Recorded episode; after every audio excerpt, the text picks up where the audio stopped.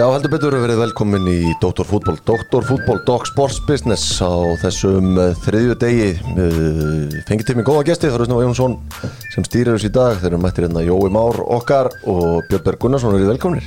Takk fyrir Takk, takk Herðu, við ætlum svona í þessum tætti að fara yfir uh, kannski landslæði sem er að breytast í fótboltaheiminum Sáti Arabi er að gera sig heldur betur gildandi þegar það kemur á því að sækja reysa nöfnum við erum með Háberg uh, góða góða orkunammið, þetta hotla einar á með Wondervibesið, það er bótaréttu.is eða þið þurfið að leita réttar ykkar, það er svo vinahópur doktor, fútból hjá Ólís það er afsláttur á bensíninu Lemon og Nokko líka. Þetta allt saman, þið þekkið þetta allt saman en við ætlum að ræða. Eða bara byggja bygg okkur velkomin, velkomin Björnberg Takk fyrir. Herðu, þú hættur að vinna hjá fólki og fann að vinna hjá sjálfur, bara byrjum á plögginu. Já, já, já, já, það er bara nú maður bara björnberg.is Það er ekki flottan en það. Heldur betur. Heyrðu, það er þetta Sáti Arabíu uh, bara breyting sem við erum að horfa á í fótboltanum Jói.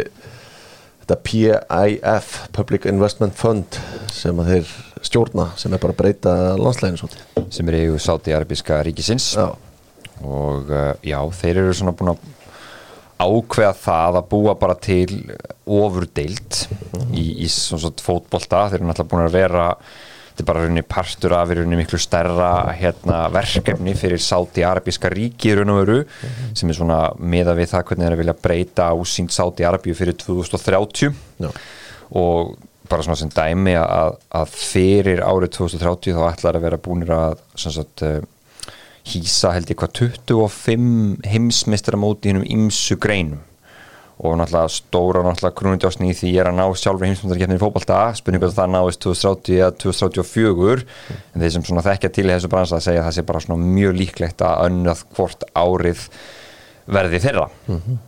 Hvað svo sem verður. En þessi deild, þetta er náttúrulega bara jarðskjöldin í fótboltaheimin. Já. þeir eru bara tilbúinir að, spreða og, og finnast finnst mér öllu á öllu sem fyrir betur auðvitað eftir en, en að Engól og Kanti sé að fara að fá 100 miljónur ára ári fyrir að sitja á nuttbekknum það finnst mér sannlega best að öllu sko. Hann er að spila svona meðaldur í 60 leiki á ári. Þannig að hann verður- hann verður sannlega best borgaði leikmaður öruglega bara heims fótboltans sko per leik. Bara síðan vinstum bókar. Já, nákvæmlega, hann fyrir að klukka í hann. Sætla minningar.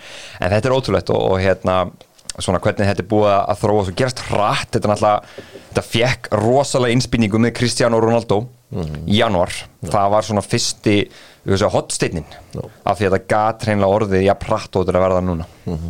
Og kannski við setjum þetta í samingi Björnberg hvernig eru að breyta þessu? Karim Benzema er svona nýjasta stjarnan sem þeir fengu hjá Real Madrid var hann með 14,5 miljón evra í áslun í Sáti Arabíu fær hann 200 miljónir evra í áslun Já, sko við erum að, við erum að tala um Þetta er 100% samhengislaust Já.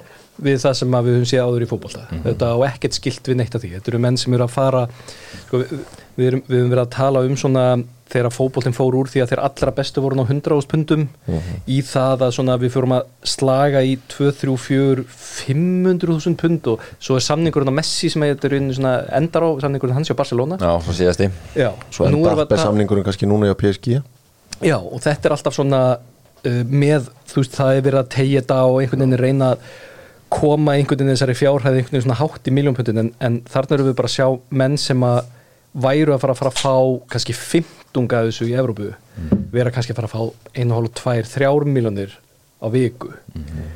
Sem er bara eitthvað allt, allt annað þar sem við erum að og, og það sem er svolítið sérstætt við það er að sko maður spyr alltaf eins og í viðskiptum þá spyr alltaf býtu af hverju þarf þessi að bjóða svona vel? Og það hlýtur einhvað að hanga á spýtni sko. eða mér finnst það svo sérkennilegt haldið að Benzema hafi verið bara halda áfram. Bara, nei, við erum komnir í tvær já, halda áfram. Bara, ætlaði hann bara ekki að koma ef hann hefði fengið minna? Nei, veist, ég, það, það er svona þetta sem hefur verið svo sérkennilegt. En, en Gólo Kanti var á einhverju staði sem hann hefði kannski geta, ég veit ekki, hvað hefði hann getið komið fram? Svona kannski góður hann hefði getið fengið 100 áspund einhverstaðar núna? Hann var þannig samningurinn sem átti að vera eitthvað svona grunnbasi sem við kannski verið eitthvað kringu það var á 300 spundum í viku og Chelsea sem var þá að lífundu lók núna bara Já. í lók júni hann var búið að bjóða hann um eitthvað svona base sem ég held að veri kannski ekki einu sinni það, bara svona 80 spund á viku. Já. svo restið væri bara sko pay you play. Já, var komið Já. bara því hann er búin að vera á nuttbekknum í eiginlega tvö ár og svo náttúrulega bara er hann að fara að klára það að matló hjá Telegraph að tilkynna það, þetta verður bara mjög náttúrulega að ganga frá þessu. Að þá allt í hennu herðu, þá kemur síntal og N'Golo Kante sko, hann hefur nú ekki, allan ekki sko, ásýnt hans hefur verið þannig, hann er ekki sérstaklega svona money driven. En, en, en þannig er þú komið bara með eitthvað sem er, þú ert galinn og þú tekur þessu ekki Fyrir samningslösa leikmann á þessum aldrei með þessa svona meðslasögu og búin að vinna allt sem hættir að vinna í fótbollana líka. Já, já, að það, það fer þangað engin með einhvern metna þannig séð, ekki svona fótbolllega metna en það hefur svo sem aldrei verið heldur skortur á því og það er fyndi hvernig þetta hefur verið að rótera að sko Kína er ekkert með eins og leik lengur Rússland er ekki með eins og leik lengur. Úsbyggistan ætlaði að gera þetta munið þegar að Samuel Eto fór að tala um hvað verið björt framtíð í fótbollandum í Úsbyggistan hann var að fara að skrifa undir þar og svo var þetta ekkert að því. Uh, og þetta hefur svona aðeins aðeins einhvern veginn róterað og flæst á milli og svo, þú veist, Gríklandi menn fengi ekki borgað, þannig að það eru núna Tyrkland, en þú fer ekki að spila Tyrklandi svona fullir í virðingu nema út af peningunum. Já, já. og það er það sem enn gera. Og svo náttúrulega er þetta bara hending hvort þú munir fá borgað eða ekki sko. Já, kannski, þetta- þessi lönd hafa kannski yfirleitt verið í þeim pakka að geta búið þessum leikmönnum sem eru kannski ekki lengur stjörnu leikmenn eru svona að fara niður brekkuna, haldi í veist, það hefur verið þeirra, þú getur fengið sömurlaun hjá okkur þegar þú ert að fara niður hæðina. Já, þetta er svona spurning fyrir, þú veist, eins og Van Persie hvort hann ætlaði að fara til Fenerbahce eða hvort hann ætlaði að fara að ströggla einhvers staðar fyrir jafnvel minni peninga eða bara njóta lífsins í, í einhverju svona. En þannig eru þeir að koma inn í þetta á einhverjum allt öðrum forsendum með einhverja allt aðra peninga og þetta er bara að fara að vera retirement uh, einhvern veginn svona leið út úr ferlinum fyrir menn og ég held einhvern veginn að hljóta að vera bara, það getur ekki verið að sé að stoppa sími hjá þeim. En það hlýtur bara að vera bara, Eden Hazard hlýtur bara að vera hamast á þeim Já, sko, spura hvort að hann eigi nokkuð að hætta við að hætta hvort það sé ekki eitthvað til að eitt, eitt, eitt síðasti dans. Já, ég er bókstaflega. Já, en það sem er kannski ef við svona spólum aðeins tilbaka og það sem mér fannst allan þegar maður fór að kynna sér þetta er, er svona hvers vegna? Af hverju er allt í einu núna? Bara herru við erum tilbúinir að borga Benzema 200 miljónir hérna efra á ári fyrir að koma og vera hjá okkur sem sagt á hvað hva tveggjára samningur Þriggja ára samning, Þriggja ára samningur já, 36 ára gamall. hann, er að jarða þarna 600 miljónir evra. Þetta er bara svo risavaxi exit á Wall Street fyrir, fyrir fyrirtæki sko, þú veist, ég meina þetta er alveg sko, þetta er bara svolítið Hann getur byggt svona þrjár hörpur fyrir þetta. Já, e- þetta er svona bara svona svona algjörlega samingislaust fyrir annan, annan, annan sem sagt fótboltað innæðin en þeir eru náttúrulega, sko Sáti Arbja er, er sko það tölur breyting múin að þessi stað þarna hjá þeim að þessu landi. Og þetta er ungt land. Ég bara fekk það í mig til þessu 60% landsins er 35 ára yngri. Já, ég held að 63% með þess að það var skoðið gerð séu þrí- þrítut bara und- undir. Já, já, eitthvað, svona tölur. Og, og það sem er áhört við þetta er, að- er að sko það er að þetta, þetta unga fólk það hefur meiri aðgang núna að tækni og svona bara sér hvernig þessi hlutinir eru annar staðar og vill fá að gera meira. Og sem sagt, stjórnvöld í Sáti Arbíu eru núna að svona opna fyrir meiri vestrana eiginleika já. og hafa svolítið, bara að svona hafa meira svolítið gaman. Og þá er það, herru, við ætlum að búa til alvöru fótbolladild og það er alltaf aldrei verið jafn mikil mótmæli kakvart Sáti Arbíska ríkinu eins og sagt, innvortis eins og núna. Þetta eru svona þeirra áhyggjur. Þannig að þeir eru núna svolítið að breyta ásýnd Sáti Arbíu bæði innanlands sjá sínum yngstu þegnum fólkinu sem er að fara að taka við og líka út af sem sagt, að, að svona, svona opna heiminn fyrir Sáti Arabíu. Þetta er náttúrulega ríki sem er með sérja lög og, og, og allt það sem þetta göttunum og þú veist stóra ástæði fyrir því að Lionel Messi ákvað ekki að fara þangar en þess að hann vildi bara ekki búa þarna. Já, já. hann bara, þú veist, það er neini, ég, er bara, ég get farið til Miami fyrir, hvað hvað voru, voru þið ekki tilbúin að matcha Ronaldo samningin á, á rosalegt já, og, hann tekur öruglega, þú veist, fimm sinnum læri díl eða eitthvað hjá hérna hjá Inter Miami, ég með lesteldinni, að vísu þú veist, náttúrulega með alls konar kreðsum eins og fórum yfir um daginn, hann fær að eignast lið og svona Já, þetta annað læn, sko. Þannig að hann er nú ekki, hann er nú ekki ennum verkalýstaksta heldur þar, en að samanskapi, þú veist, þetta er svolítið partur og svolítið stóru plani. Ástæðan fyrir því að þau eru tilbúin að sökka á svona rosalegum fjárhæðum í þetta verkefni er bara eins og kannski með liv mótaröðuna sem núna er partur af PGA þetta er bara partur af því að þeir eru núna að reyna svolítið svona veraldarvæðast. Uh, Við getum eiginlega geta uh, farið í þessa umræðin um að fara í gegnum hinn, uh, það sem það er að kalla íþrótta kvít þvottur, það er náttúrulega ímislegt sem hefur verið að í þessu landi og margir atbyrðið sem að hafa bara verið í heimsfréttunum fyrir það sem þeir hafa gert, ég meina þeir það er augljóst að þeir vilja bæta ímynd sín og þá með kvít þvætti eins og þessum. Já, ég held að það sé rosalega mikilvægt að við hættum okkur ekki yfir það eins og maður heyri stundum ég meina hver er munurinn á þessu, svo eru bara einhverjir bandarískar aðrar að kaupa þetta lið eða svo eru einhverjir danir sem eiga þetta eða svoleiðis en þetta er ekki þetta er ekki arbíska það er ekkert ríki í Sáti Arbíu það er bara konungsfjölskyldi sem á landið Já. og á þegnana og segir það er ekki fulltrúa líðra, það er ekki verið að fara með og þetta er kallað einhver svona þjóðasjóður en það er engin þjóð sem að hefur neina aðkoma að þessu Nei, nei. þannig að það, það er engin þarna sem kýsni til þess að sjá um, þetta er bara fólk hérna sem að er non-stop að brjóta sjálfsögðustu mannréttindi á fólki og nýðast á þegnunum sínum. Það er ekkert er ekkert og bara myrða fólk utan landstæðinu, það er ekkert líðræði og svo eru þeir sem eiga þetta sem taka olíupinningana og eru að leika sem er þá. Og þeir vilja dreifa úr þessu þú veist og segja það, markmiðið mitt sé eitthvað svona að það er kannski ekki þúsund ára framtíð í jarðurnaðelsneti þannig að við förum að dreifa einhvern veginn öllum ekkjónum og nákvæmlega reyna svona bæta ímyndin og allt svoleiðis. En þegar kemur að þessum þvætti, þessum íþróttagræntætti eða hvítætti þá, þá verður hann ekki skýran en þetta sko. Nei, þetta er svona algjörlega augljós dæmi. Ekki bara vegna þess að íþróttir eru sennilega besta leiðin til þess að gera svoleiðis. Sumir hafa reynd að fara í að kaupa fjölmila eða eitthvað svoleiðis en bara íþróttir eru e eiginlega 100% jákvæðar sem sagt ímyndin sem að íþróttir og íþróttarlið og allt það fær það bara fyl, fylgir heil hér af fólki og það er allt 100% jákvætt og, og þetta kostar ekki það mikla peninga þannig að það er algjörlega perfekt en líka það sko að, að, að hérna, reynslan er bara svo frábær af þessu. Að þeir sem hafa verið að gera uh, þessa hluti sem, sagt, sem að uh, þjóðuríki sem eru kannski með eitthvað vafasamt rekord og hafa verið að kaupa þetta þau hafa bara enga ástæði til, til annars en að halda þessu áfram vegna þess að reynslan er algjörlega stórkostleg. Sjáðu bara eh, hérna, eins og varandi PSG og Man City þetta hefur verið frábæri viðskipti. Ekkert endilega og það þarf ekkert að mæla það í krónuntalið því þeim er alveg saman krónundar. Heldur bara í því sem þetta á að skila sem er svona upphefja einhvers konar orðspor, það virkar. Þess er verið að gera þetta. Og ég held að það sé alveg alveg morgun ljóst að meðan það virkar og að meðan það er engin lög eða reglur eða mórall eða neitt sem að stoppar neitt svona, það bara heldur endalast áfram. Þetta er einnig sama manifesto og Katar gerði þegar þau muni eftir að heimsmeistar múti í handbólta var haldið í Katar ég man ekki hveina, það var bara 2000 og þú veist, ég man ekki, ég ætla að segja 12 14, 15 já, ég man ekki alveg hvað það var sko. Og þeir, hann að unnu er ekki mótið það fór allan langt Það gerði allan vel, ég held að það ekki unnið Nei, en það, ná, þá voru þeir sko, þá voru Júgoslavar margir hverju sem voru að spila fyrir það, gamli Júgoslavar, skilskilurum vegna þess að hérna, þeir bara breyttu í rauninu reglunum hvað, hvað þætti sko, þeir gáttu í rauninu sannfætt hangrið sambandum að já, þú veist sko, við getum bara breyttu svona að það geta fengið ríkisbókar Já. skilur, þannig að það er svo, sko, þeir, þeir reyfa alltaf bara svolítið mörkin. Já. Þú veist, sko, change the goalpost, skilur mig. Þeir eru svo auðvelt með það. Og svo náttúrulega enda þetta með, þeir náttúrulega svo PSG þarna, Katar megin og svo náttúrulega hinsumstarmótið mm. uh, Sáti Arabia, þeir, þeir sko þannig að blueprintið liggur alveg fyrir Já. hvað þeir eru að gera. Og eins og segja, en það hefur hins vegar ekki tekið sem kannski, það sem þeir ætla að bæta við er þá þessi Sáti Arabíska deild núna um, það er þá svona það sem þeir eru tilbúin að gefa meir í og við sko horfum á, til mér svo margir að bera þetta saman við Kína Kína fekk samt aldrei Cristiano Ronaldo Nei. Nei. og þeir Það fengi hafa aldrei neitt í líkingu við Karim Benzema Nei. Já, já, þeir fengu Óskar og Hölk á toppi sinnaferla Já. þannig Já. séð og that's it eiginlega, það er svona það er að það er rétt, þeir voru sko, þeir fengu og borguðu gríðalega peninga fyrir þá leikmenn sem voru bara svona eiginlega al- alveg svona komin að bekkinu á Chelsea og allt einu kom bara eitthvað 60 miljón mynda bóði hann sem á þeim tíma var bara svona, já ok seldur. En, en það er rétt, þetta, þetta er svona þeir fengu svona alveg alvöru nöfn. En það sem líka er, það er ofbásluðu fótboltafi í Sáði Arabíu. Þetta fólk almennt sér gerir sér ekki grinn fyrir Og því á og löngsaga og það er sagt hérna Alhíl A-langar mér að segja eru eitt af tíu stærstu sem sagt liðunum á samfélagsmiðlum á Twitter. Varandi sko hérna í fylgjendur. Já. þetta komir alveg gríðalega óvart.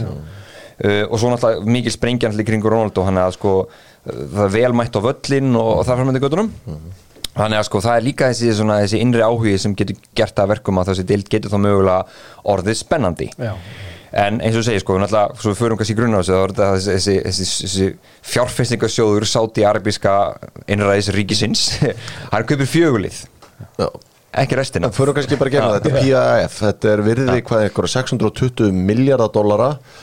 Og bara árum við förum í íþróttina þetta er náttúrulega bara orðið viðskipta veldi þeir eiga stóran hlut í Boeing þeir eiga í Citigroup bankanum 5% 5% í Facebook 5% í Marriott hótelunum 5% í Walt Disney þeir eru inn í Shell, þeir eru inn í þeir eru á sjálfsögðin í Pfizernum. Kiftu sér þar inn á góðum tíma sennilega. Djúpir þar. Þannig að veist, þetta, þeir eru bara í öllum stærstu fyrirtækjum nánast í heimi að eh, gera sér eitthvað gildandi. Svo kemur þetta þessi kaup á Newcastle sem svona sína hvaða leið er alltaf að fara. Kaupa það á einhverja 400 miljónir punta og þannig koma þær inn. Og þú myndist aðeins á það á, á, á það áðan Björn að sko það var rosalega heift og reið einhvern veginn í umræðinu fyrsta mánuðin eftir að sátarnir kaupa það.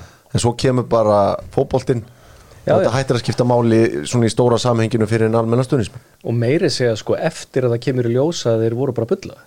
Vegna þess að það er, það er hérna, þegar að þetta sjokk kemur er þegar League samþykir á og þegar þeir segja já, nei, þetta er, er ekkert sko, þetta er ekki Saudi Arabia sko, sem eru að kaupa þetta. Og allir, ha, ég minna ha, þetta eru bara þetta er bóksa, nei, nei, þeir eru búin að lofa því og það var það sko, þeir lofa. Þeir lofa því að þetta tengist ekki Saudi Arabíska ríkinu. Síðan gerist það að þeir fara í um, málaferli þessi, sam, þessi sami hérna aðeins sem á þetta þetta, þetta pif eh, hérna eða þessi sjóður fyrir málaferli út af þessari uh, golf, þessu golfrifrildi sem verður við, við PGA og, og það er háð fyrir dómi í bandaríkjunum og fyrir dómi í bandaríkjunum segir lögmaður PIF heyrðu, hérna þið haldið þessu búin að ná okkur en þú veist, hægan hér vegna þess að við erum með diplomatic immunity vegna þess að þetta eru ofinbyrri peningar. Og þá komum við að býtu en þið voru búin að lofa því hérna Newcastle meginn það væru ekki ofinbyrri peningar og þannig að þeir segja fyrir dómi í bandaríkjunum að þeir sé að ljúa varandi Newcastle. Og núna er síðan hefur ofinbyrra að fara á magan á þeim. Já, en þetta er algjörlega óskildir aðeins þetta er bara einhver algjör tilviljun að það sé bara einhverju peningar einhverju, tugi miljóna að fara á belgina á, á Newcastle. Og það sem er svo sjokkirandi og svo ótrúlegt er það að þetta bara skiptir engu máli vegna þess að þetta er búið og gert. Newcastle voru ógislega góði síðasta vetur og bara, þeir eru bara aftur orðni bara liðnum með tvögja fólki og það er bara, þú veist eins og Kæðin Kíkan sem mættur aftur og bara svaka stemning öllum. Og það er bara held í niðurstæðum til fótboltaheiminn er þegar menn eru að hugsa um sko, eru engin takmörk fyrir því hvað fólk ætlar að láta bjóða sér hvað verður eitthvað siðfyrir? Nei, ég held að við bara sannað síðasta vetur það er engin mörk og ég veit að Siggi Helga hringir nú alveg brjálega hvað þetta bendla, bendla hérna sýtti við þetta eitthvað svo en menn verða að passa sig að þú getur alveg haldið með einhverju fótballtelið að að vera hérna, að verja eigendur þess að það þarf ekki endilega að tengjast. Já, þú ert eldri, alveg- þú saga sko, í raun og veru Já, ég mig? meina að þú mátt alveg halda með, með hérna, Newcastle og hafa stutt Newcastle í gennum tíðina án þess að vera gladur með það að sátt í Arabi eigi Newcastle sko. Nei, nei. en ég veit að það er örgulega mjög erfitt og þetta er bara dilemma sem að menn þurfa samt með kannski ekki alveg loka augunum og eyrunum fyrir sko. Alls ekki og, og svo, svo kannski hvað eru lúmski líka eins og varabúningu njúkasól og síðustu leiktið Já, það var bara eins og landslis litirnir það er mættu þarna og svo svona, þau halda við ekki en gera það bara samt og þú veist, svona er þetta bara Já, já. Um, en, en já, þú veist þetta er náttúrulega, eins og segi, þeir, eru út um allt og eru, eru að dreiða auðsíðunum sérstaklega bara til þess að svona hérna vera með stærri tekjustofna inn í framtíðina út af, já. einmitt svona hvað er þeirra aðal tekjustofn gæti mögulega svona eitthvað aðeins fara að dvína, Já. svona down the line en, en já, og bara eins og segi núna þetta, þetta njúkusöldæmi hvað stoppar þetta þú veist það nú er orðað mögulega við myndum að kaupa fleiri liða og búa öðrum heimsálfum þannig að það verður svona dænasti eins og sitt ég er búið að gera. Já. og eins og segi það veist ég held að það er bara er eitthvað sem er öðru þá er is the limit. Og það sýnir sér líka í þessu PGA-máli sem er, þú veist, nú er ég ekki djúpur þar en maður aðeins svona- tökum aðeins eftir, ok. Það er, það er nefnilega mjög fyndi hvernig þið snéru á alla þar. Já. klókir anskotar En hvað haldið, bara svo ég rétt grípið það í lokin. Haldið þið að því ég var að hugsa, getur eitthvað verið jákvætt svona við það sem er að gerast í þessu, haldið það gæti verið að núna fari einhver ákveðnar aðalega að verða hrættir, hreinlega? Það er segja bara yfirvöld í einhverjum ákveðnum uh, löndum, knattspyrnu sambönd eða hin liðin í stóru deildunum. Haldið að fari að verða þannig að einhverju fara að segja ok, þetta er ekki þetta má, nei, nei, þetta er ekki að fara að verða svona hérna sko að hérna Premier League á einhverjum, einhverjum, einhverjum tímapunkti verður bara engungu í eigu bara Kína, Saudi Arabíu, Kúbu, Norðurkóru bara, veist, það má í alvörunni sko. Já, já. en ég er að velta fyrir mér allir að verði þannig að, að þetta sé svo aggressíft að þetta verði til þess að sjokkera fólk nógu mikið til þess að reyna að bara setja reglur sem stoppi þetta það, veist, ég held að sé algjörlega venna þess að rauninni eins og Premier League það eru bara liðin sjálf sem í rauninni taka alltaf loka ákvörnuvald um allt þetta. Já. Eins og bara með Róman og hent út það var bara deildin sjálf sem gerði það. Mhm. það, þú, í rauninni, sko, það er rauninni ekki reglur landsins. Nei, það er bara þeirra eigin reglur þannig að þau geta alltaf haft valdið svo samara bara í krafti 11 liða af 20 spurning þetta tók nú anskotið langan tíma að- að rífa njúkusölu við línuna að það en svo lóku snýrist það um ólögt strím Já, þeir fóru bara að borga, já. fóru að borga fyrir sjónvarpið. en ég meina fordæmið sem að ef, ef við tölum um það að þetta sé mjög umdelt þessi kaup sátana á Newcastle nú er söluferli mannstýr United í gangi og, Já, já. og Katarar eru að reyna og reyna að ná því og þeir eru með sömu í rauninu möndruna þeir segjast ekki vera með state peninga Já, já. það sé bara en þeir viti ekki nákvæmlega hvernig þessi peningar farin í þetta 92 Foundation sem er að reyna að kaupa félagið.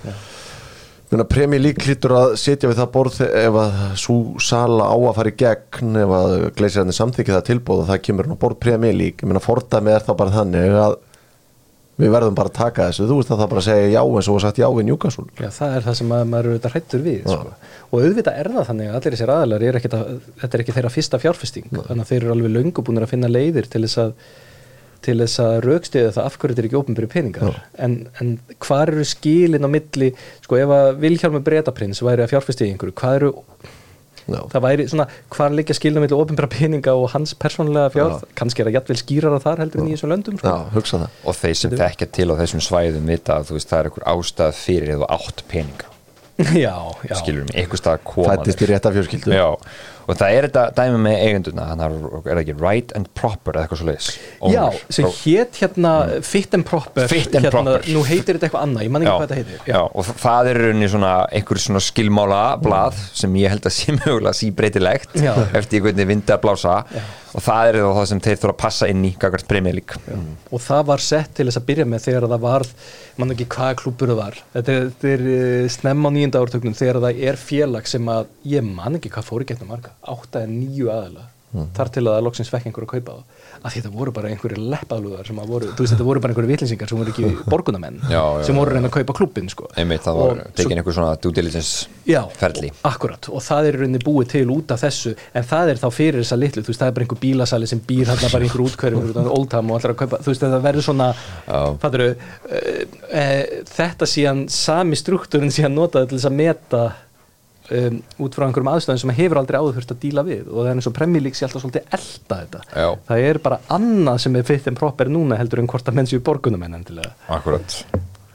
Já, þetta er áhugavert og ég minna að það er þetta- til að loka þessu njúkasúlkabla bara að segja að þetta eina hálfa ár þeirra hafi verið mjög successful því að mjög óvænti liði komið inn í mestaradildin langt á undan öllum áallinum sem gefur þeim aftur tækifæri til að hækka alla auðlýsingarsamninga eru búin að gera það við treyjusponsorinn sinn sem er bara eh, fyrirtæki konungsríkisins, konungsríkisins í surprise og koninni meistarleitina meiri tekjur geta dælt meiri peningum inn til að komast löglega í gæsalöpum gegnum FFP þannig að þú veist þeir eru langt á undan áallun og geta farið að pumpa inn í þetta. Og ekkert mál að pumpa inn í vegna þess að það er áttur rosa mikið inni út af því hvernig hann, hann hafi reikið liðið áður. Já, að Mike Astley og að uh, það, eru, það eru svona hlutir það sem að þurft að setja peninga sem að telli ekki í financial fair play eins og völlurinn og aðstæðanir hérna í kring og æfingasvæði og allt það. lið og allt þetta er, það er, það er degi frá. Það sem ég veist bara, ég ætla að segja, ætla að nota orðið skeri við njúkusúl er að hvað er að gera þetta vel. Já, alveg, ó, það segir Já. þetta er, þetta er búið að vera perfect framkvæmd á sig. Já, og það, það, er skýr og þeir eru ekki byrjaði sko. Nei, og meina, mér finnst þetta svolítið líkt að því hvernig Master City gerir þetta í byrjun. Þau auðvitað byrjuðu strax á einhverjum Robinho og bullkaupum. Já, já. svona ætluðu að sína mátt sín og megin en svo kom eitthvað plan þú veist, þá, þú veist eh, við líkjum við þessu njúkvæmslu að reyna að gera í sumar er að fara í Scott McTomin og James Madison mm proven Premier League spilarar sem að svona geta haldið liðinu í einhverju topparötu tökum sem dæmi City fór í James Milner, Gareth Barry Julian Lescott. Byrjuðu þar. Svo fóru þeir að fara í, As, fóru í næstu klúpa fóru, fóru að taka Arsenal fóru að kaupa þeim eins og þeir gátu.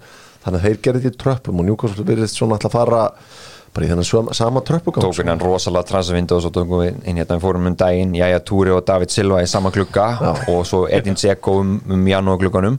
Þú veist, fengur bara svona geggjaða leikmenn inn. En það er eins og segi, Newcastle getur fara að byrja þessu núna. Já. og það er eins og segi, það er mjög skeri hvað eru góður í þessu. Já, heldur betur, en þá er það í rauninni það sem þeir eru að gera í Sáti Arbi sem vorum svona sem búin að snerta þess á áðan. Það er þessi koma Ronaldo í janúar þegar þeir ná honum það, það svona býr til umhverju til að bara láta til skara skrifu, náðum í það stærsta þannig að þið hinir ekki hljótinu og geta komið til okkar líka sko, við borgum Já. ykkur bara nógu vel sko. sannaði konseptið Já. fullkomlega, það er ekki að efast um konsepti lengur. Þetta er ekki það þegar, að, muni, þegar Sven Jöran og Sol Campbell fór til Notts County og svo bara, þetta kom engin annar og stóð, var alltaf tveir bara einir í Notts Tengur, County. tengur Kaspers Michael með sér. Já, einhver Kaspersmækja Það er ekki að fara að gerast núna.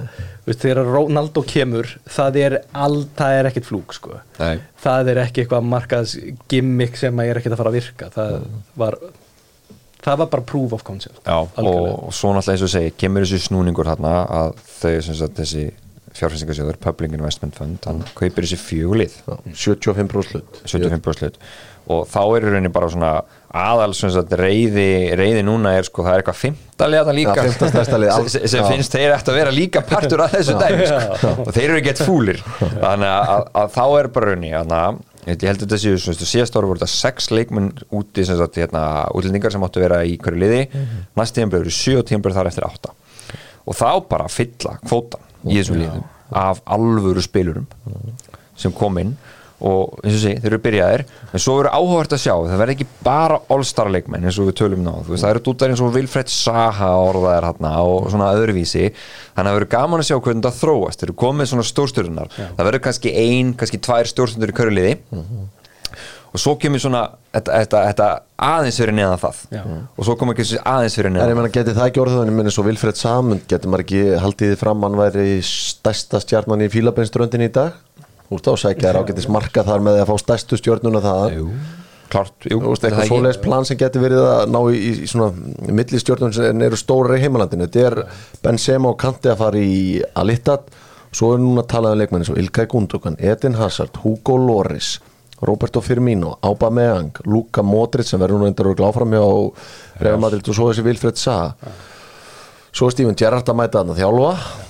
Þá er hann að reyna að fá Sadio Mane. Þetta, þú veist, þetta maður sér einhvern veginn það er mjög fróðlegt sumar hvernig Já, bara hvað þessir eldri menn sem að þetta er allt topp menn og þetta er allt menn sem gætu eða flestir, þú veist bara í áfram að spila já, já, spila á hæsta leveli en náttúrulega bara ekki fyrir sumum peningana. Nei. Nei og kannski líka það eru held ég núna, það eru lið sem svona horfa á bara þetta sem svona smá svona jackpot sko, Já, vegna þess að herðu við getum dömpað einhverju þangað. Já. það eru samningum sem við erum vesinni þá nú þegar byrjað að segja hérna, að Lukaku geti enda þarna. Já, já. Chelsea losni undan því ruggli það þurfa að það vera var á- ykkur að fara bara með eina enga flugulega einhverjum átta Æ, ég held að séu sko, það er eins og þú talar um ába og losa hann Já, já. og svo hérna Emmitt Lukaku líka fleiri, það, það kom orður um Kúlu Bali og það var nú hann að nú bara, hann verið alveg til í að fá eitthvað, eitthvað vel greitt og hann mútti velja þessu lið. Já.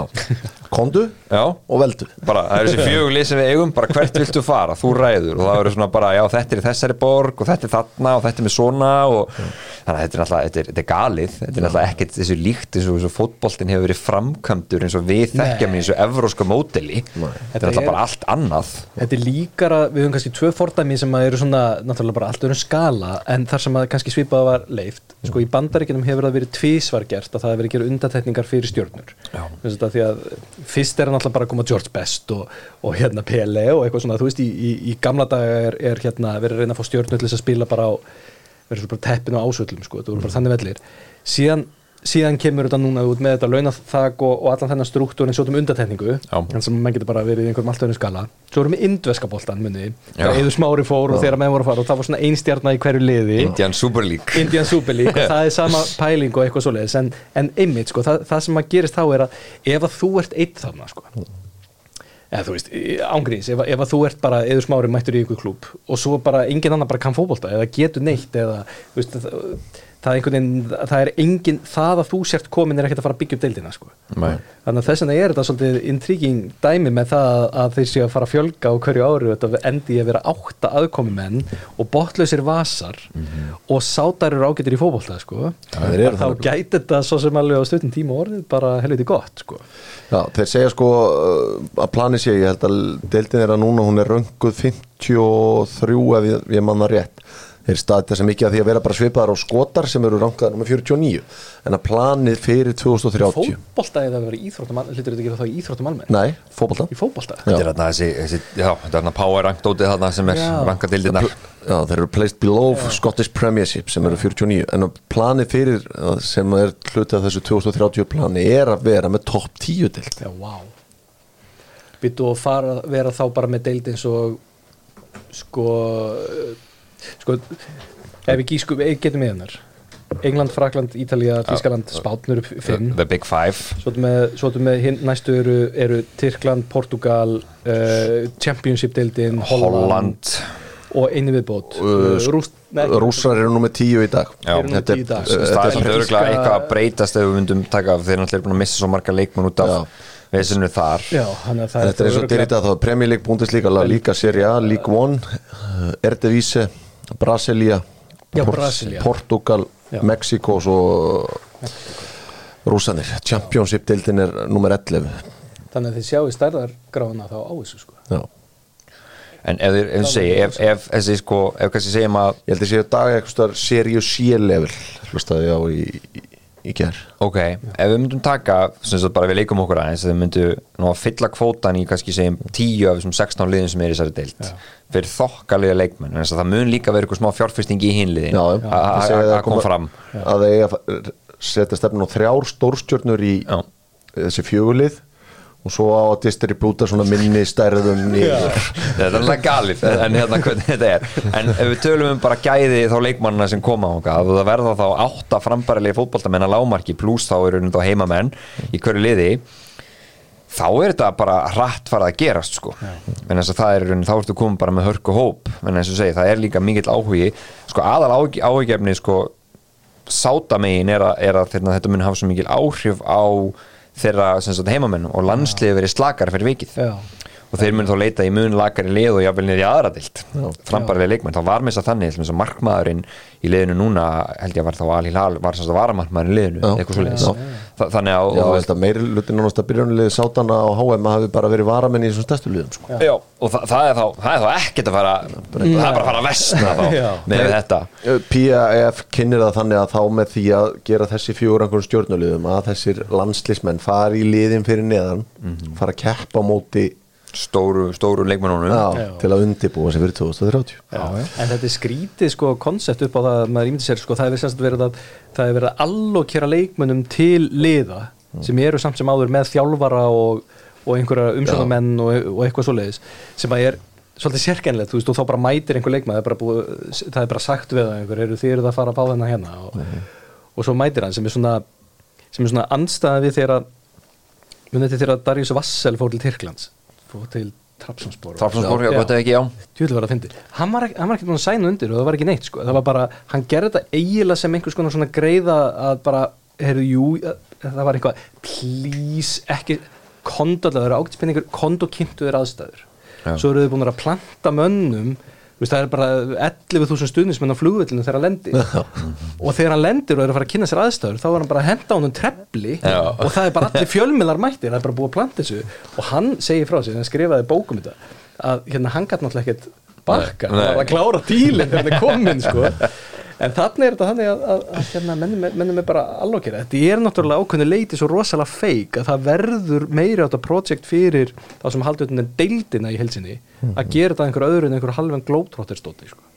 Þannig að verði einhver, einhver samkettni einhver skemmtilegt og einhver spennað þarna. Já, sko frá komur Ronaldo að eins og myndust á hann þetta er mjög ung þjóð að, að sókna á heimalegja eða bara alla leikja Al-Nassar var upp um 143% þannig að sjá að þetta getur virkað. Já. og þeir telja að þetta muni fara yfir alla deildina. Miðaverði fóru því að vera 2-3 dólarar inn á völlin í það að vera 30 dólarar þannig að þeir eru svona ég veit ekki, veist þetta virkar einhverju leiti en bara býr til þá svona einhvern ramma af tekjum fyrir þessi félug líka. Já, Guðminn til þá, verður þá ekki bara eitthvað botlust tap á þessu sem það mun alltaf verða eh, með við launatölunar en að samanskapi þá er það líka sko náttúrulega að lokum mun þetta snúast með það uh, sjónvæðsreitasamninga Já. og hvernig það mun þróast. Það verður áhugavert. Ætla þeir að hafa þetta svolítið opið til að vera með? Mm. tísu þá svona fram á þessu og eða ódýrt eða opið og svo búa til alvöru deild innan tekja þeir ekki ára að selja svo alvöru svona samlinga það verður mjög áhugavert að sjá hvernig þetta þróast. Og hvenar verður komið official markmiðum það að uh, vera áberandi í Club World Cup? Af því að þetta er þeir eru ekki að fara aðra leið heldur en þetta þeir eru ekki að vera bara bundnir við Sáti Arbíu sko. Nei. þeir hljóta ætla að fara að reyna. Enda, það má ekki gleyma því sko, að þegar það var þegar Infantino kynnti sem tillög hjá FIFA á sínum tíma að algjörlega gjör breyta Club World Cup fyrir hvað er þetta, kannski 7 ár síðan 6-7 ár síðan gjörbreyta því og það koma 25 miljardar dollara frá fjárfestum inn í það, er náttúrulega bara fjárhæðir sem er aldrei heyrt sko, sem átt að koma inn í það að búa til nýja uh, sem að viðkomandi myndi þá eiginlega bara eiga í 10-20 ári eða hvað það var. Og þarna átti ég að setja upp struktúri með það sem, að, sem er svona nánast meistaradelda struktúr og þetta að vera Club World Cup bara á það ekkert skilt við hvernig það búið að vera. Síðan er það bara bladamaður gott að það er ekki bara hjá Guardian eða hverjum það er sem segir, heyrðu hann náttúrulega tók aldrei fram og það átti að vera trúnaður um það hver fjárfæstina væri en það var PIF Já. Já, þess að það er sátanir sko sem ætlaði að kaupa Club World Cup sem hefði eftir á að hyggja þegar maður heyrir þessi tíðindi verið algjörlega perfekt fyrir þá. Að eiga nýja eh, alþjóðlega Club World Cup stóra og mikla deildarkeppni og vera sér með stóra deild sem ætti kannski 2-3 slottar þá áttu að fjölga sko evrósku liðum inn Já. og þá væri þau komin með, með eignarhald yfir að þú veist sko keppni sem er með bestu stærstu liðunum. Já. Þú veist, evrósku liðunum sem er alltaf alltaf með góðlega sko. og ég er svo sem ekki að útiloka að þetta verði sko. Nei, nei. en þetta var greinlega pælingin Það er áherslu að sjá, þú veist, já, maður einhvern veginn uh, rættu það fyrir þáttjó, ég menna Ronaldo hjá Alna Sarbara sem er svona besta dæmi í þessu, hann kemur hann inn þeir eru að fara að byggja upp nýtt æfingarsvæði hann fær bara að segja þeim hvernig á að gera það. Heyrðu, svona er þetta hjá Real Madrid. Hann mætti að teku lítið frá Manchester United með hvernig hann talaði um æfingarsvæði þar. En þú veist, hann mætti að bara verður bara state of the art bara upp á 11.5, hann er að vasast í leikmannamálum félagsins. Já, já, það kom allavega í grein sem ég las að því Atletika, hann er sko undirstinga leikmenn sem hann telur getur fitta prófílum sem er kannski sko hann talaði með það talaði um það La Liga leikmenn sem eru svona örglega þá sem mittlefi leikmenn sem við erum að tala um núna. Já. og svo komið ljós að þetta voru leikmenn sem sko hérna, þjálfvarinn hafði nú sérstaklega áhuga á sko en Ronaldo ræður Já. sem hafa þá á hreinu. Þannig að þetta er svona það er allt annað koncept þarna. Þú veist, stórstjörni kemur og hún fær bara liklana eins og í nánast aðull sérstaklega verður Ronaldo og Benzema og þessi gæjar sem að tekur með sig kannski. Og fara að velja hann en, en þú veist, þetta verður þetta verður svolítið svona. Svo er spurning hvað síðan þegar að Ronaldo ákveður að hætta þessi menn eru ekki, eru ekki endalausir og Benzema og allir þessi hverju taka við, hvort þeir ná að viðhalda og þetta verður þá bara eins og þú sagði ráðan svona retirement heimili, elli heimili fyrir fótboltamenn. Þú veist að við tölum þá næsta kynslu sem kemur sko, og allt á eftir þeim það verður þá bara, ég segi, er- endar Erling Haaland þarna árið 2030 og hvað séu að fimm eða eitthvað, þá verður hann mættur þarna til Saudi og, og fann þá kannski miljard dólara fyrir, fyrir, fyrir sísonið. Meina? Já, ég meina- Sky is the limit. Band, uh, MLS fór svolítið í þetta náttúrulega fyrir svolítið mörgum árum. Þau eru aðeins búin að draga sig út úr því að vera að sækja þessa gömlu kalli Menum, þeir voru í vandrað með að selja sjónvasettin hjá sér. Það Já. var ekki eftirspurn eftir þessu á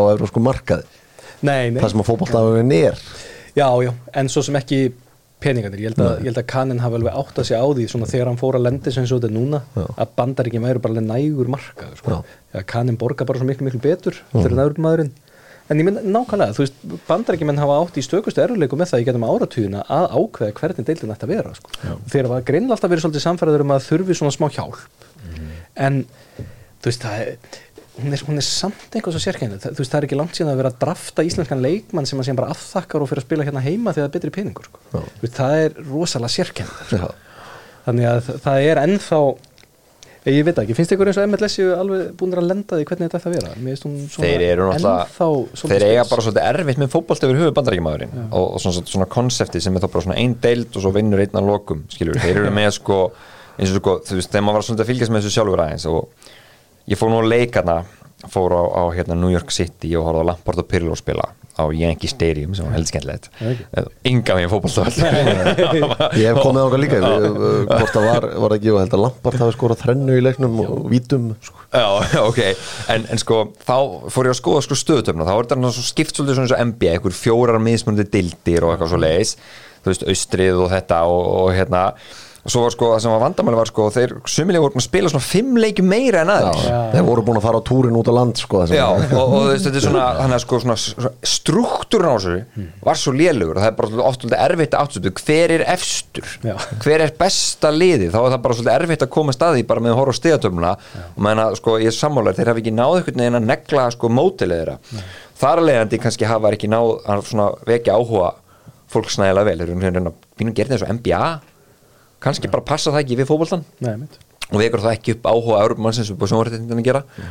Svo náttúrulega tímamismin og allt þetta en sjáum hvað Messi gerir fyrir Suður-Amerikumarkaðin Já, hlýtur það ekki að vera ég meina ef að það klikkar þá er eitthvað mikið að þá geta bara hætt þessu. Þetta er áhugavert og ég menna það lítur líka að vera svona eh, til að sátaninn sjá þetta ganga til framtíðar er það að núna er þeirra að sækja stærstu gömlu kallana þú veist, um, ég hugsa evróski fótboltinn fara hafa ágjur að þau fara að sækja þú segjum bara Kylian Mbappe ef við tökum Já. hann sem dag, þú veist, þegar þau taka bara stærsta nafni og, og að besta aldrei þá fyrir þetta að verða svona verður þetta áhugjefnið ekki? Ég held að bara hljóta að vera. Og ég, ég get alveg ímyndað mér að maður svona fyrir kannski aðeins aftur í tíman og maður fyrir að velta fyrir sér sko mörgum leikmönnum sem að sem að ferillin varði í rauninni ekki drosalega stór. Og maður fer, eða langur. Og maður fyrir að velta fyrir sér svona ákveðnum tímapunkti uh, og hvort að leikmenn séu meðvitaður um það. Kannski eru leikmenn halda þeir bara alltaf að verði eilíðir og, eilífir og, og allt það. En, en sko það er bara held ég algengara en okkur finnst stundum að leikmenn svona eftir kannski 26-7 ára þá er svolítið happa glappa sko, stundum. Já. þú veist eins og Gareth Bale og Eden Hazard og fleiri svona sem að nefnir það sem að þú svona uh, Það það er svona spurning hvena, nei, já, hvena kemur tímapunkturinn þar sem að þú svissar svolítið forgangsatur í honum og ferð að hugsa um það, heyrðu, ok, ég á kannski bara max 10 ára eftir ég hugsa vel um mig og nú ætla ég að fara að kassa inn með einhverjum hætti.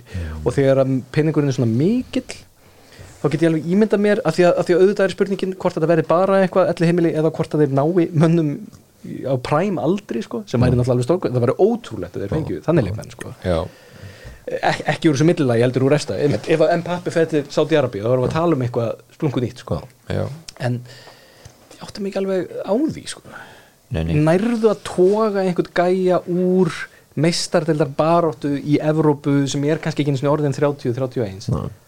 og sannfæran um að vera farin að spila aðra íþrótt Mhm. sem þú ekki að keppa fyrir neitt Nei, nei. getur kannski áfæran við í landsliðinu eða eitthvað, ég veit það ekki en það er bara, þetta snýst bara um peninga kannski líka bara svona það sem mun líka komið ljós núna. Núna er þessi tilurinn farin á svona full swing. Núna fyrir að sjá þetta nú, sko, það voru fréttur um að Ronaldo vildi koma aftur til Európu bara fyrir nokkru viku síðan. Já. þú veist, og ég get alveg sagt ykkur það báði bræðið mínu hafa búið í Sáti-Arabi og Ok. hefur vinna fyrir Erlanda Já. sem sagt og, og bara svo ég skúpi því. Þa, það getur það mjög krefend að búa þarna. Og, og hérna sem sagt bara og ég held alveg að, að það mun leiði ljós núna hvernig frásagnir þessara leikmanna sem eru ekki allra stæstu stjórnunar sem eru ekki rauðu dreigil fyrir bara hvar sem þeim fara heldur allri hini sem koma að hvernig það mun verða hvernig tímur eða, þeir mun segja bara já, þú getur farið þarna í, eitt ár taktu helaðan díl ég nenni ekki að þarna lengur en það. Þú veist, þe- þetta mun vera áhört að sjá hvernig þetta mun fara. Bara munið þeir geta búið til samfélag hann að þeir leikmennir þáttur að fá svona opbóðstöðul borga vilji bara vera þarna áfram. já. það mun vera áhugavert þá. Ég get alveg trúa því að það getur verið áskorun. Já, En svo er það kannski það er mjög góð punktur. Ég held að það, það hlýtur að hafa heilmikið að segja. Já, að finna þess að þú veist, þú, þú ert líka auðvitað skipta peningamáli. Já, menn að við sjö leikmenn farið til Kína sem hafa verið í Evrópu menn hafa lang flestir af þeim stoppað mjög stutt. Já, Já, bara takk einn helvíti gott ár og koma að segja þér svo bara herru að þryggjar og nei, ég er farið núna. Þú veist, bara við getum Íslendingarnir sem fóru þannig, þeir voru ekki þeir stoppu ekki lengi, við menna Viðarud Kjartansson var á stæðsta samlinginu sínum bara á ferlinum en hann gatt, þú veist, það var ekkit það er ekki gaman að vera þannig kannski. Nei.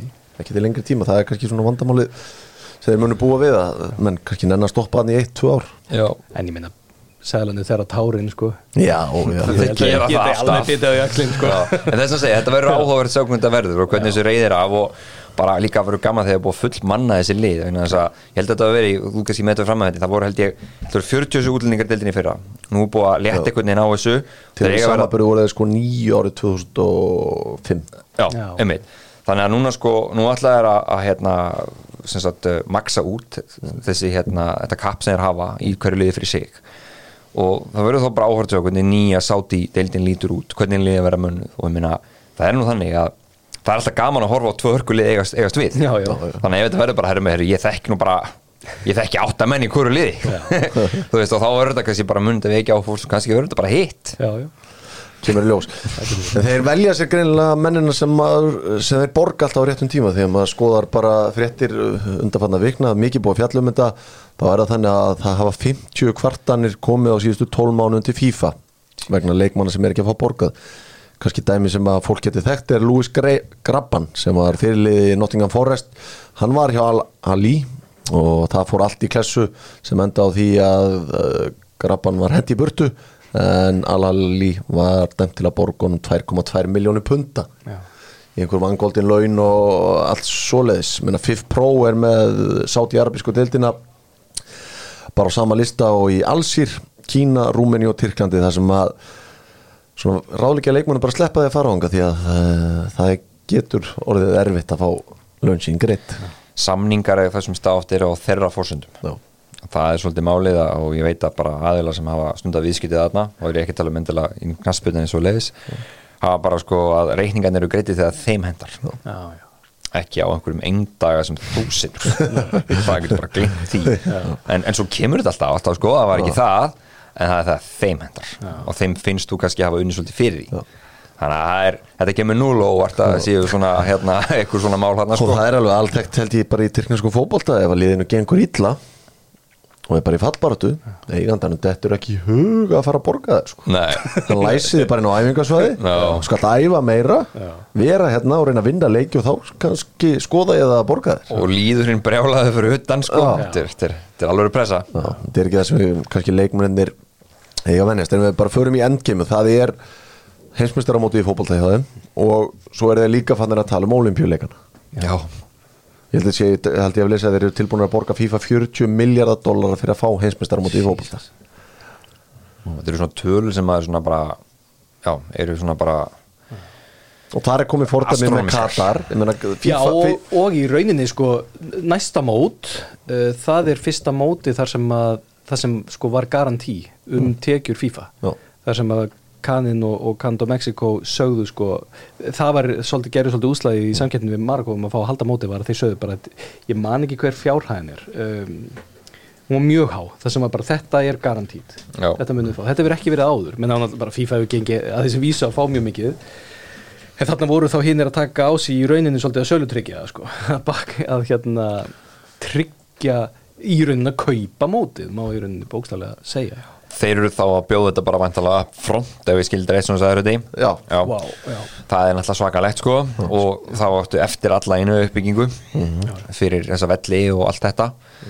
Þannig að þetta er, þetta er hérna kostar eitthvað smá. Já, já, en, en þessi peningar er það sem er hafa á- minnstar á okkur af. Það er allt hitt sko.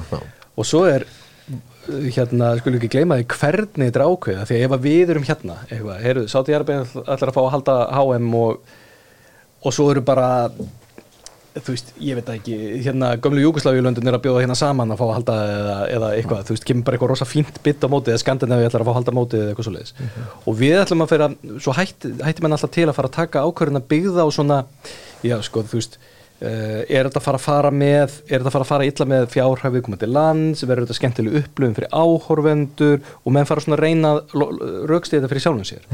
Við skulum ekki gleyma hvernig þetta er valið sko. Þa, það, er, það er náttúrulega, þeir eru búin að búið til struktúr sem við byggum til hérna eftir Suðurkóru og Japan eða eitthvað sem er svona uh, að uh, það kom eitthvað recommendations og eitthvað svona það sem er svona slottað inn í, þeir eru nánast búinir að núna er þetta bara svona eitt atkvæð á mann sko meira. Já. Og, og til þess að gera svona meira líðræði í, í FIFA að þá búa þér til eitt atkvæði á hvert knatsbundisamband sem dregur alveg stórkostlega úr í rauninni einhverju svona eðlilegu líðræði vegna þess að hvert einasta atkvæði mun fara að byggja svo á svo massífum sérhagsmunum.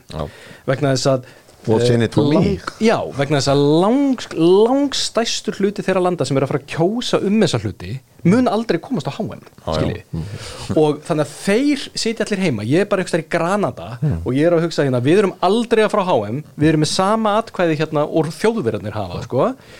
og okkur er sama um eitthvað, einhver heilindi íþróttunar og blá blá blá fæ ég gerfugrasvöldu eða flóðljós eða bóðið eitthvað koktelbóð og bara þú veist, kaupið að mér atkvæðin og þe- þetta er, og stundum er þetta kallað spilling stundum er þetta bara, heyrðu, hvernig á ég að réttlæta það heima fyrir mér að Trinita hafi fengi, hafi fengið hérna gerfugrasvöldin ekki við? Og þannig eru bara öll atkvæðin þannig að skiptir einhver máli hvað englendingum með þjóðveru með íslendingum finnst það skiptir bara máli hvað einhverjum 150 löndum sem eru aldrei að fara að komast á HM finnst. Og þau eru öll að fara að kjósa á nákvæmlega sama veg bara mestu peningarnir kaupa HM var ekki konkakaf hérna sem var voruð ekki með skristofu í Trump Tower og eitthvað svona dót sem var bara allt bytlinga frá blattir og þannig var hann eldur á lokum. Af FBI var þetta veginn svolítið þetta er heimildamindin á Netflix þú getur séð þetta það er dásanlegt að horfa á þetta sko.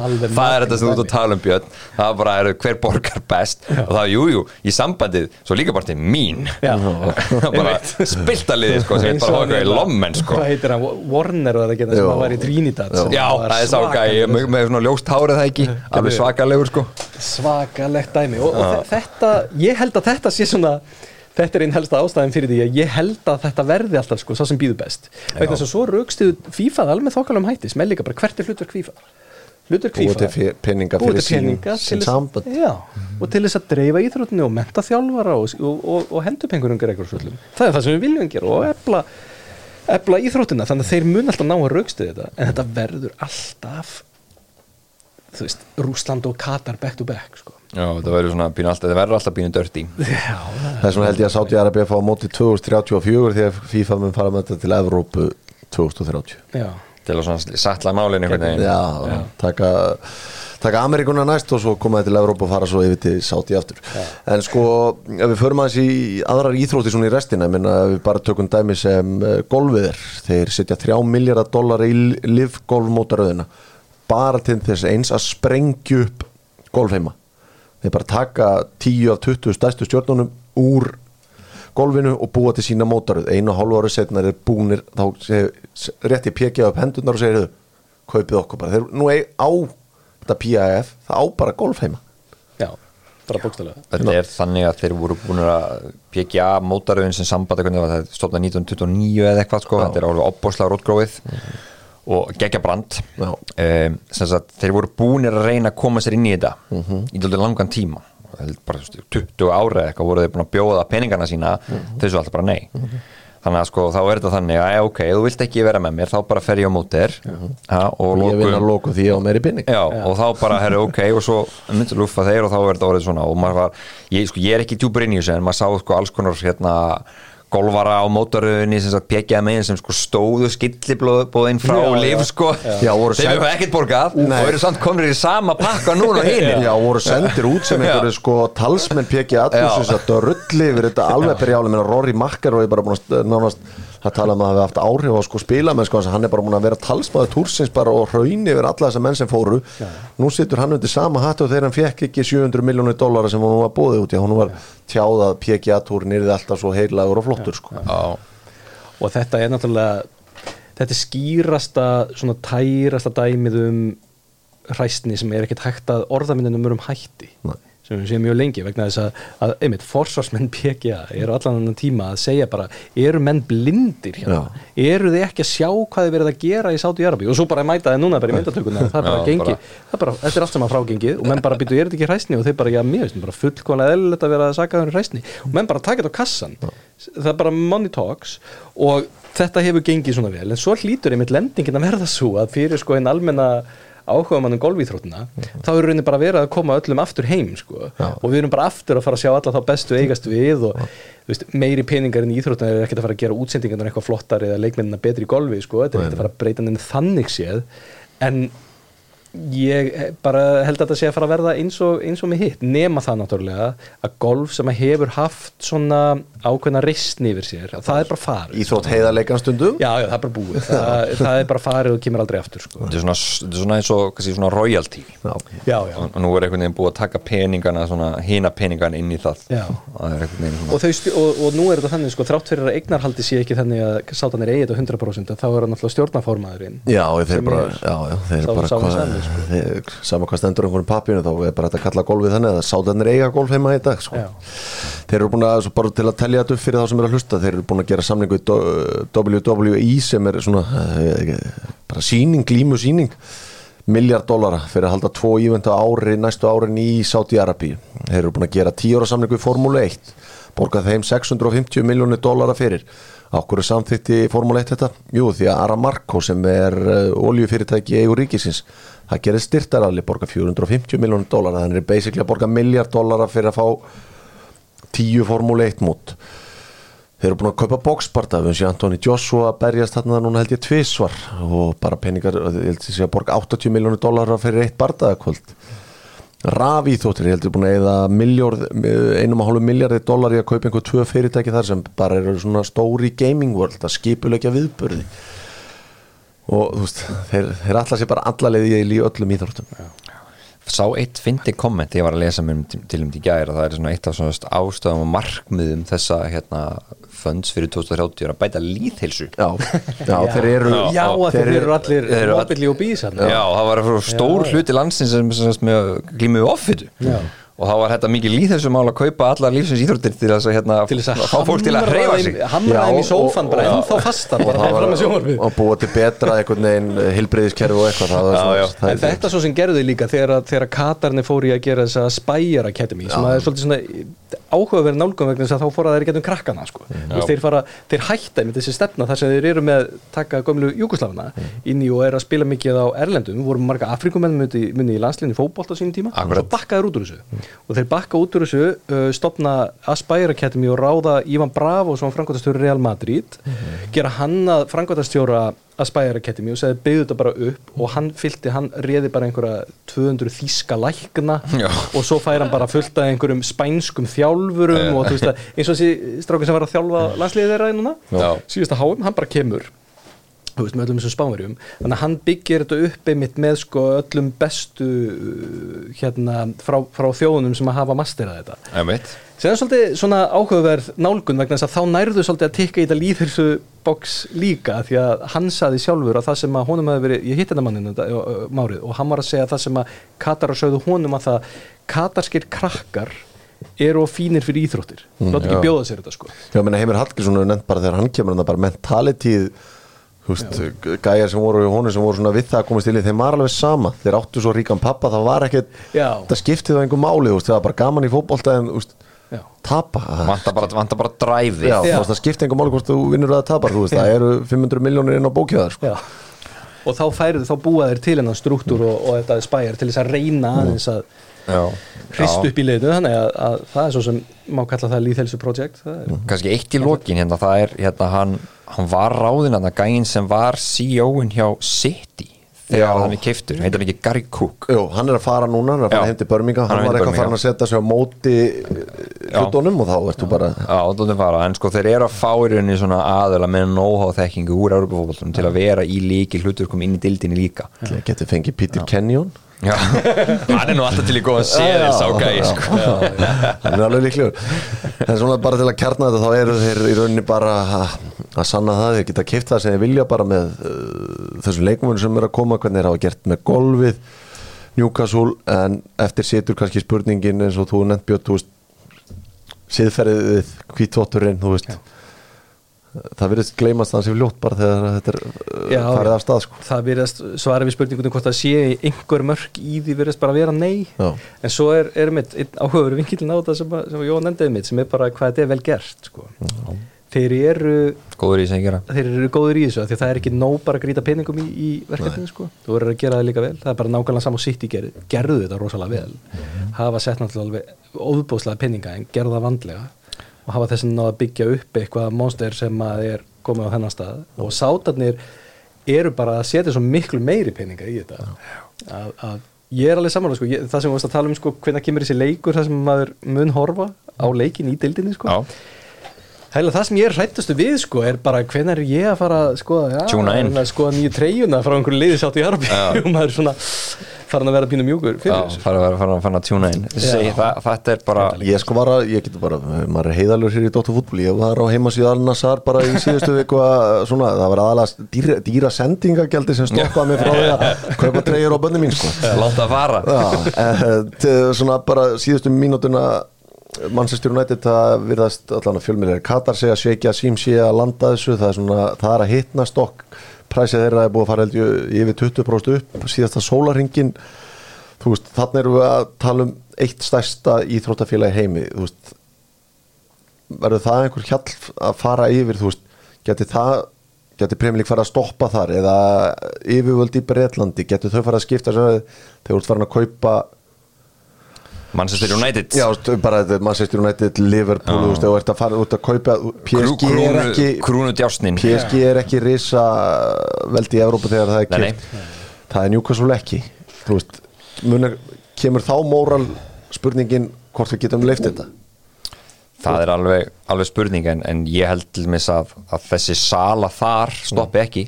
Nei. sem sagt það er unni ferli komið það langt að það er engin búin að rífin inn að handbremsur fyrir og það er engin búin að vara Júnland sérstaklega við þessu maður átti alveg vonaði að það gæti orðið eitthvað svo leiðis að það myndi fá okkur svona flögg í andlitið en það er þetta fit and proper dæmi sem þú þarf að fara í gegnum klálega þegar að hérna, samningarnir eru bara kynntir fyrir dildinni sjálfri mm -hmm. mann breska ríkið guðminni almáttugur sérhagsmundinni sem eru þar á milli Já, já. hvort sem er fyrir, nú er komin einhver geopolítík sko, Já, já. en samningarnir milli hérna, Breitlands og Sáti Arabíu eru ansi miklir, mikil samskipti samskipti þar á milli þrátt fyrir allt sko. Þannig að ég segi, ég segi ekki breska ríkir í vinnina handbrensu sko það er samt þetta svona þessi hvítbók sem á að búa til í kringum Premier League sem er ekki ennþá búið að kynna Nei. sem verður áhvert að sjá hvernig, hvort að hún tekur einhver leiti á eignarhaldi liðana sem var svona, svona búið að kynna.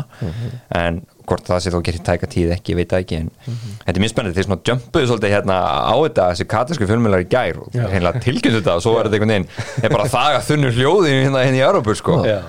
Spennandi. Og þetta er, þetta er á undan í tíma en niðurstaðan úr Manchester City keisinu Já, af því að það myndi ég frekar telja gæt, hefði mögulega geta haft áhrif ef að það væri búið að lenda þessu að þetta hafi allt verið dört í Já. og bara niðurstaðan og bara þeir fengju mjög það væri mjög hörð viðulög við þessu sem að hefðu hrist upp í öllu og pólitingin færi að tala um þetta og fjölmera eins og verður Já. ef þetta fer alltaf versta við fyrir Manchester City þá verður þetta frétt fréttana í langa tíma. Og, og þá held ég ég held að það myndi hrista upp í því að það væri farið að grípa einhvern veginn inn í því að það eru líka nota benni sko hérna Breitland er ekki reyngur í Evrópsambandinu og þeir eru farnir út og þeir eru bara þurft að vera að skoða allar þessar reglur eins og varandi transfer og leikmunum og svona. Þannig að það er svo sem alveg við þetta er ekki alveg mittlað í stein hjá þeim sko, hvernig reglur eru. Og þeir gæta alveg farið að setja einhverja takmarkanir varandi eignarhald. Og það eru mýmörg fordæmi að því að þú getur alveg breytt reglum hérðan í frá. Þú getur alveg uh, þú getur alveg sett reglur varandi eignarhald í deildum sem á ekki við um viðskipti sem þegar er búið að gera Já. þannig að það þyrft ekkert að vera slæmt fyrir Newcastle eða City eða aðra aðila að reglunum sem breytt hérðan í frá. Þeir eru kannski, þeir eru kannski bara, bara að kjósa með því Þau eru ánað með það Já, Já, það þeir bara búin að negla sig inn sko. Það er nefnilega svolítið málið sko, og gæti svo sem alveg gerst en, en mér finnst það eiginlega nákvæmlega eins og þú veist sko, ég, maður hefur ekkert verið að heyra mikið þar sem verið er að vara við þessum manni Katara, sem væri verið að gera ef eitthvað væri komið fram ég held að held ég öruglega Það séu bara fín lokur strákar bara takk kærlega fyrir að gefa ykkur tíma og ræða þetta. Ég vona þeir sem að hlustið að séu einhverju nær svona hvað endgameið er hjá Sáton Takk fyrir Takk